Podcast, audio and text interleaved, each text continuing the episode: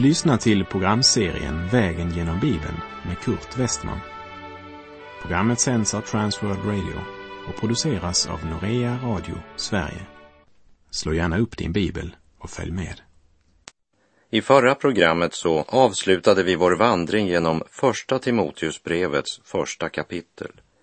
Och vi gjorde det med salmen Giv oss, o Gud, din ande god, som på din väg oss leder, upplyser, styrker, håg och mod och nådigt oss bereder, att vi ditt ord må rätt förstå och oss därefter ställa så att ditt namn alltid helgas.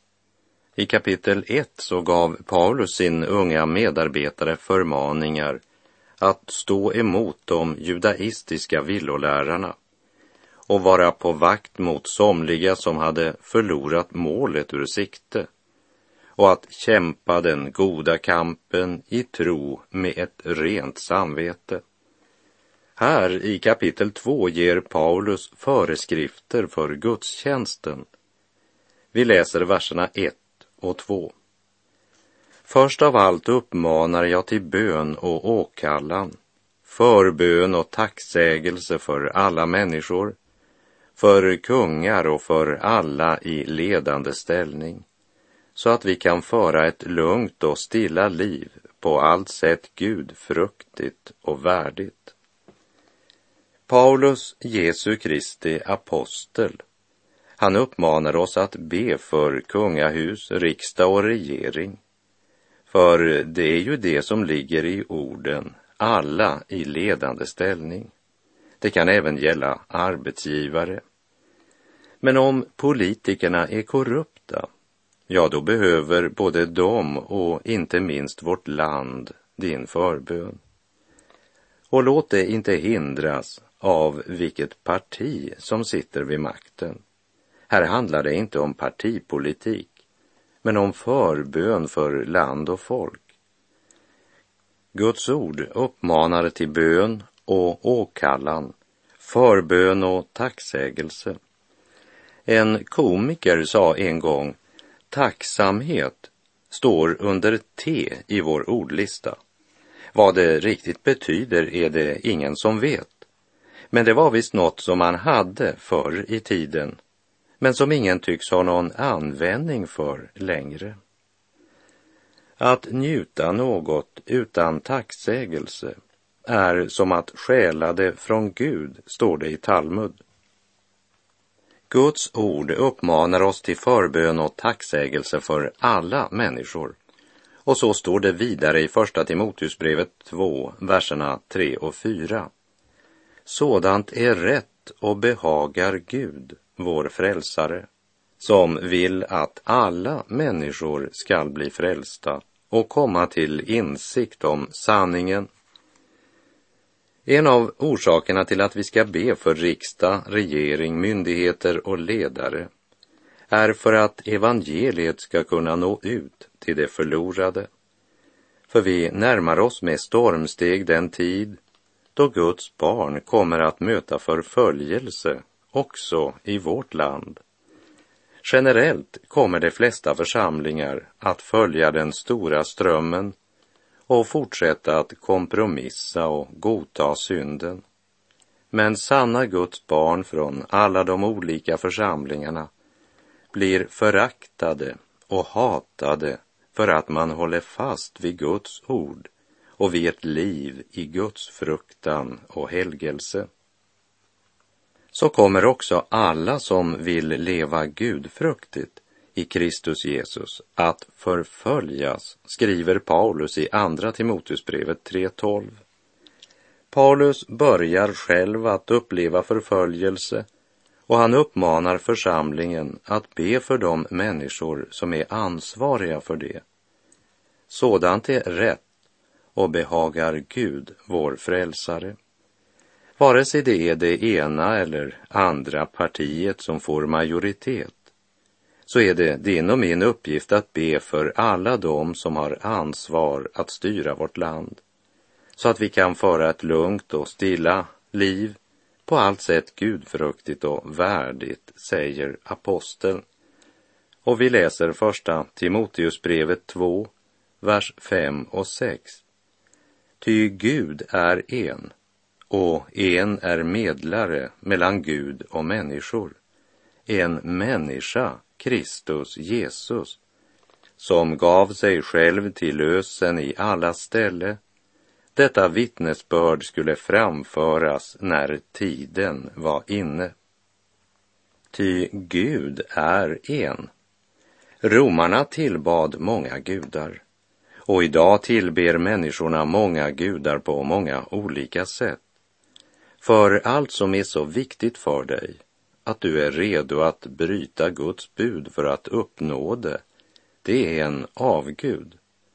Många hänger sig åt njutning, andra åt underhållning, andra åt ära och berömmelse och så vidare. Men underhållningsvärlden har ju blivit en slags religion för många. Mer än en kvinna och man är redo att offra både moral och heder för att bli en tv-stjärna.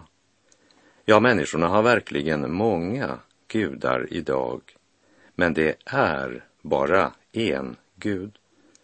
Och en som är medlare mellan Gud och människa, Jesus Kristus. Under Gamla testamentets tid gick Israels barn till templet där det fanns många präster och genom dessa kunde den enskilde komma till Gud. Men nu, säger Paulus, nu är det bara en medlare som vi alla ska vända oss till. Vi ska inte vända oss till någon människa. Det är inte nödvändigt att gå via en präst eller pastor. Det är en medlare mellan Gud och människa, Jesus. Vi behöver en medlare, en omsorgsfull överste präst. Och det har vi i honom som gav sitt liv till försoning för våra synder. Job ropade redan på sin tid. Det finns ingen som kan döma mellan oss och lägga sin hand på båda, som det står i Job 9.33. Vad Job egentligen säger det är, o, om det fanns någon som kunde ta Guds hand och sedan gripa min hand och så förena mig med Gud, skapa förbindelse, förståelse och gemenskap. Ja, idag har vi en medlare. Herren Jesus Kristus har kommit. Han har sin ena hand i den gudomliga världen eftersom han är Gud. Han kan frälsa den djupast fallne därför att han är Gud och han har betalat priset för din och min frälsning. Han gav sig själv till lösen i allas ställe. Han är medlaren eftersom han också blev människa. Ty vi har inte en överstepräst som ej kan ha medlidande med våra svagheter, utan en som blev frestad i allt liksom vi, men utan synd. Låt oss därför frimodigt gå fram till nådens tron för att få barmhärtighet och finna nåd till hjälp i rätt tid, står det i Hebreerbrevet 4, vers 15 och 16. Han håller min hand. Han förstår mig bättre än någon annan. Och till honom får du gå med allt. Ja, med det allra mörkaste svek. Tala med Gud om allt. Han förlåter dig alla dina synder och ger dig sin underbara frid. Endast i Gud har min själ sin ro. Han är min fasta borg, sjunger vi i en sång. Denne medlare är vad vår värld idag behöver. Det finns bara en väg till frälsning och det är genom honom som är medlare mellan Gud och människa. Herren Jesus Kristus som gav sig själv till lösen i alla ställe. Detta vittnesbörd skulle framföras när tiden var inne. Och så tillägger Paulus, första Timoteusbrevet 2, vers 7. Och för detta vittnesbörd har jag blivit satt i härold och apostel jag talar sanning och ljuger inte till hedningarnas lärare i tron och sanningen. Paulus, kallad av Gud till att ropa ut frälsningens budskap, inte bara till Israels barn men också till hedningarna. Alla människor har en och samma Gud och samma medlare som är sann Gud men också sann människa, Jesus Kristus. Hela mänskligheten står med skuld inför Gud. Romarbrevet 3, vers 23 säger alla har syndat och saknar härligheten från Gud. Guds rättfärdighet kräver att syndaskulden helt och fullt betalas. Och det kan ingen människa själv göra. Därför sände Gud sin egen son till världen för att var och en som tror på honom inte ska gå förlorad utan ha evigt liv.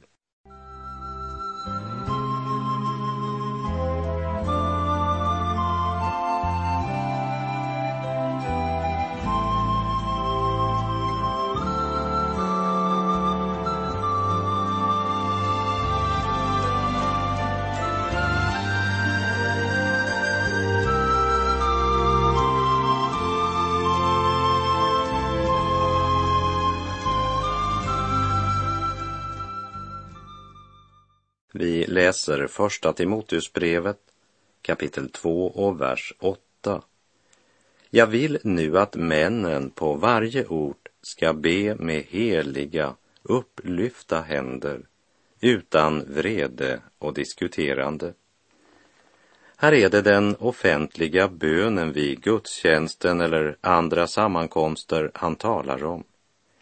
Men att be med heliga händer, vad betyder det?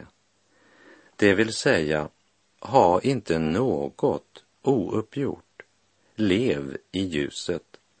Lev i förlåtelse och lyft dina händer med frimodighet i visshet om att Jesu blod är nog, också för att rena dina händer. Motta förlåtelse.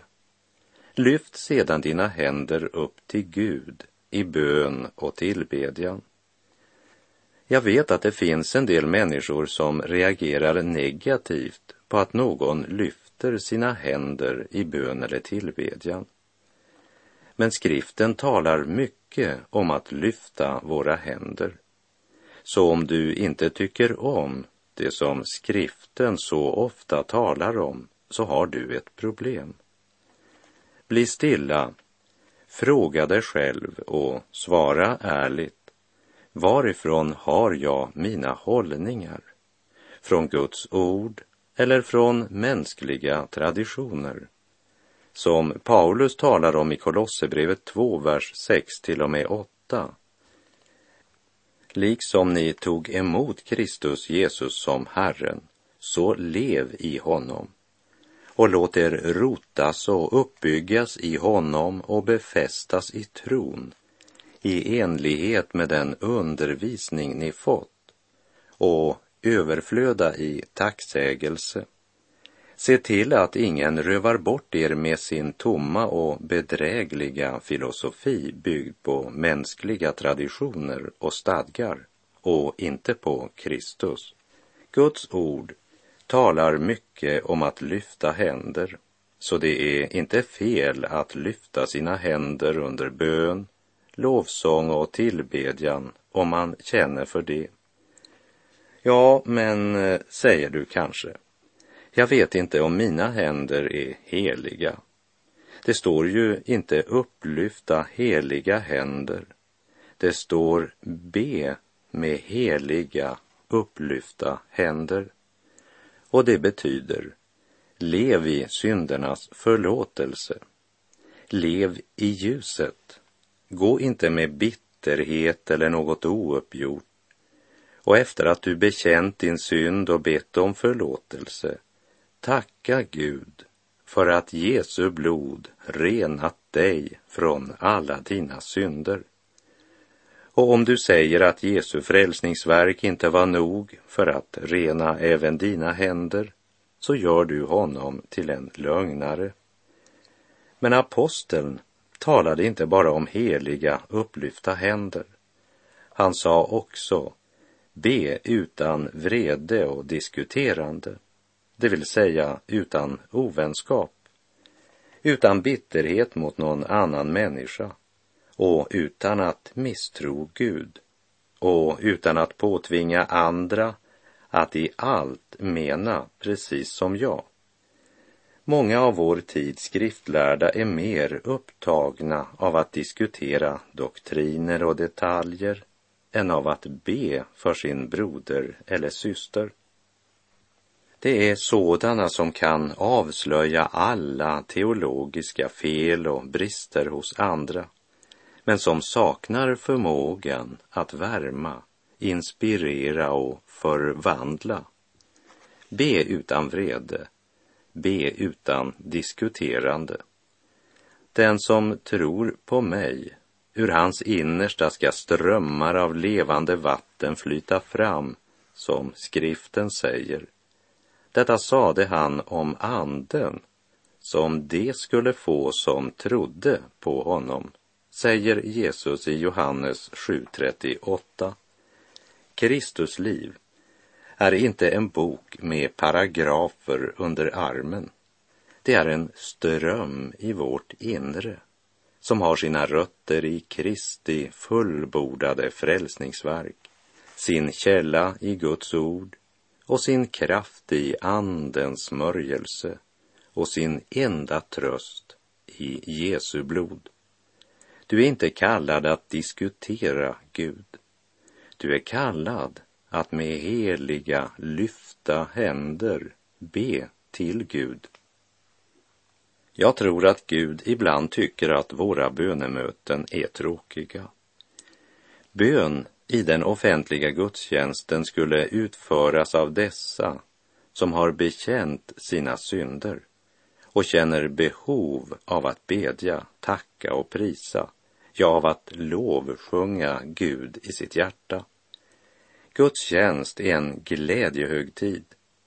I Saltaren 68.4 säger David, men de rättfärdiga är glada, de fröjdar sig inför Gud och jublar i glädje.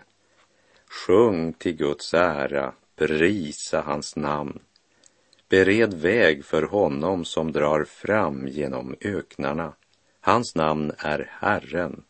Gläd er inför honom. Och i Johannes 15.11 säger Jesus, detta har jag talat till er för att min glädje ska vara i er och för att er glädje ska bli fullkomlig. Och i Andra Korinthierbrevet 1.24 säger Paulus, vi är medarbetare till er glädje eftersom ni står fasta i tron. En församling som är verkligt bibelsk är präglad av kärlek, glädje och frid. Det är bibeltrohet i praktiken. Det finns många grupperingar som är mest upptagna av att analysera vad andra har sagt och så diskutera sanningen. Paulus säger, jag vill nu att männen på varje ort ska be med heliga, upplyfta händer utan vrede och diskuterande.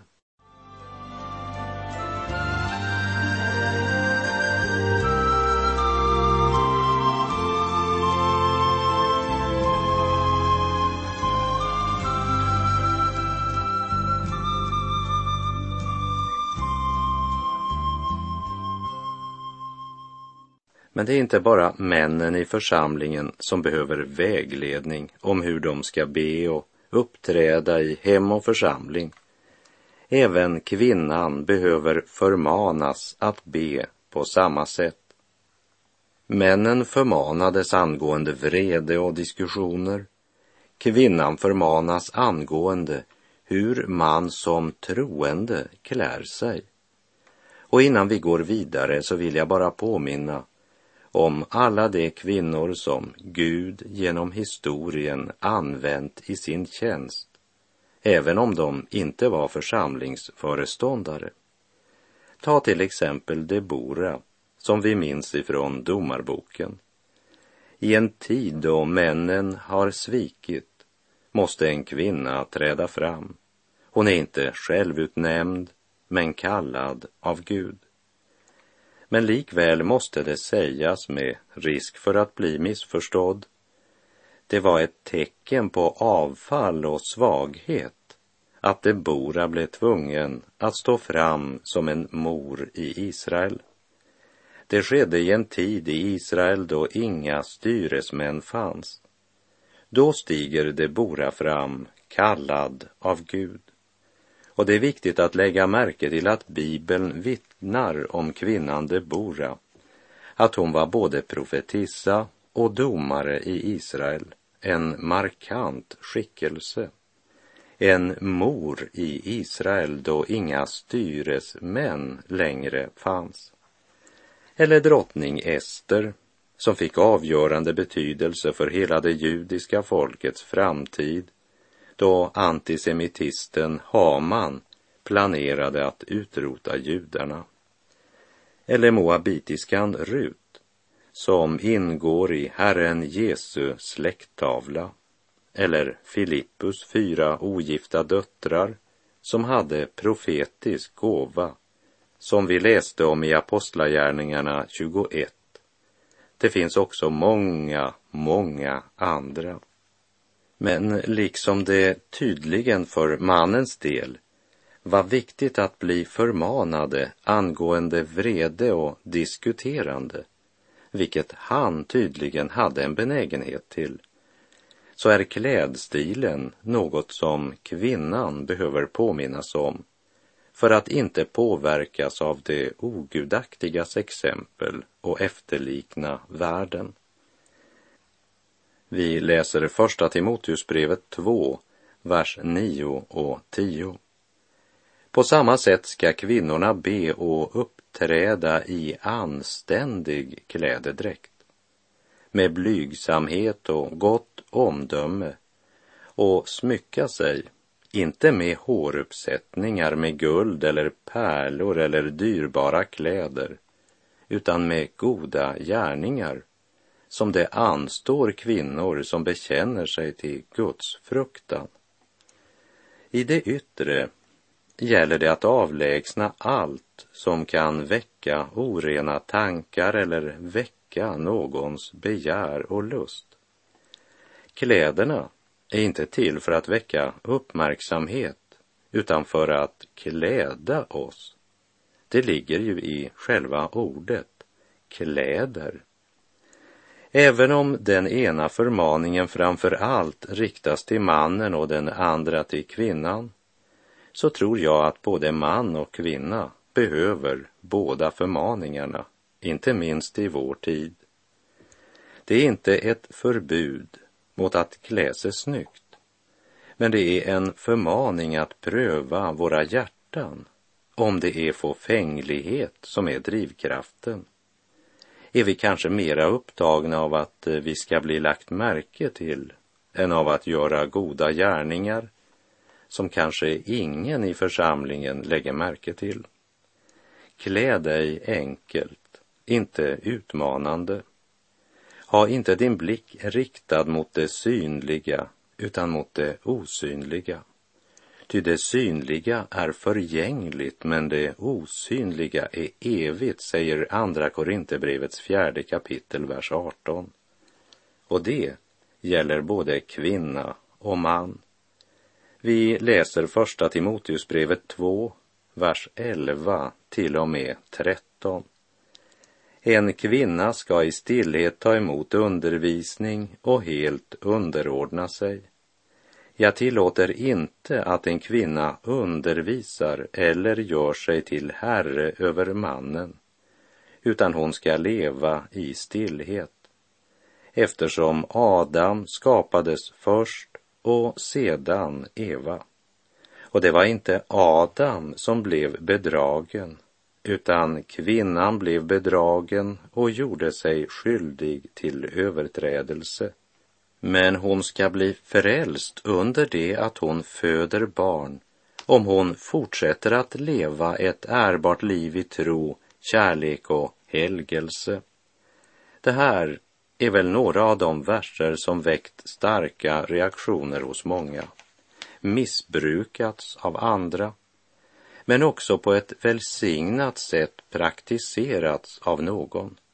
Men låt mig säga att helt underordna sig, det betyder inte att man ska bli underkuvad eller förlora sin personliga integritet. Det handlar om ett ömsesidigt ansvar.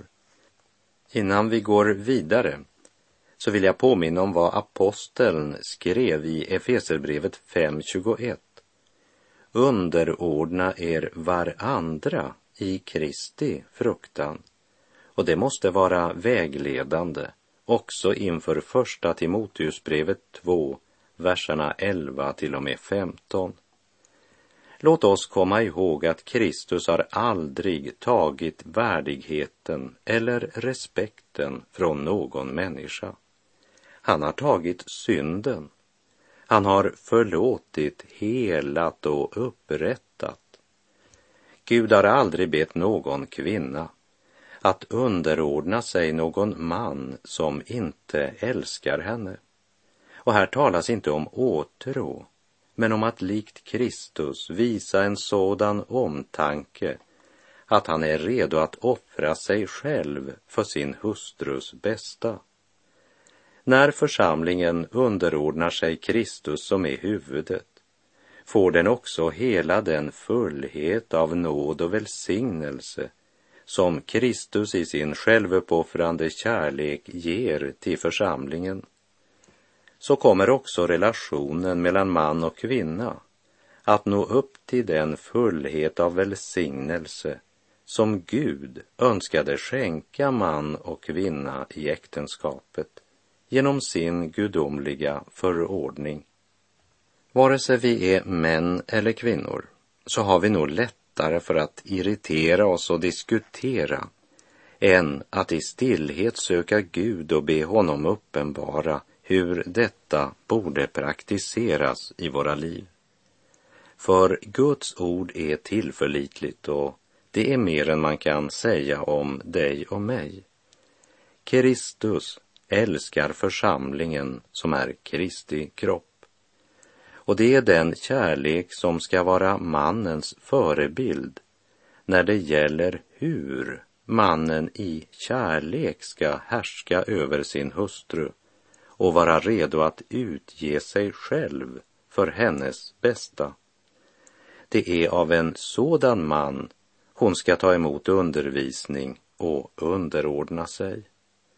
Låt oss inte missbruka Guds ord, varken den ena eller den andra vägen, utan ständigt påminna varandra om förmaningen i Efeserbrevet 5.21 som säger att vi ska underordna oss varandra i Kristi fruktan. Och med det så är vår tid ute för den här gången. På återhörande om du vill. Herren vare med dig. Må hans välsignelse vila över dig. Gud är god. Du har lyssnat till programserien Vägen genom Bibeln med Kurt Westman som sänds av Transworld Radio. Programserien är producerad av Norea Radio Sverige. Om du önskar mer information om vårt radiomissionsarbete så skriv till Norea Radio Sverige, box 3419 103 68 Stockholm. Adressen är alltså Norea Radio Sverige box 3419. Postnumret 10368 Stockholm.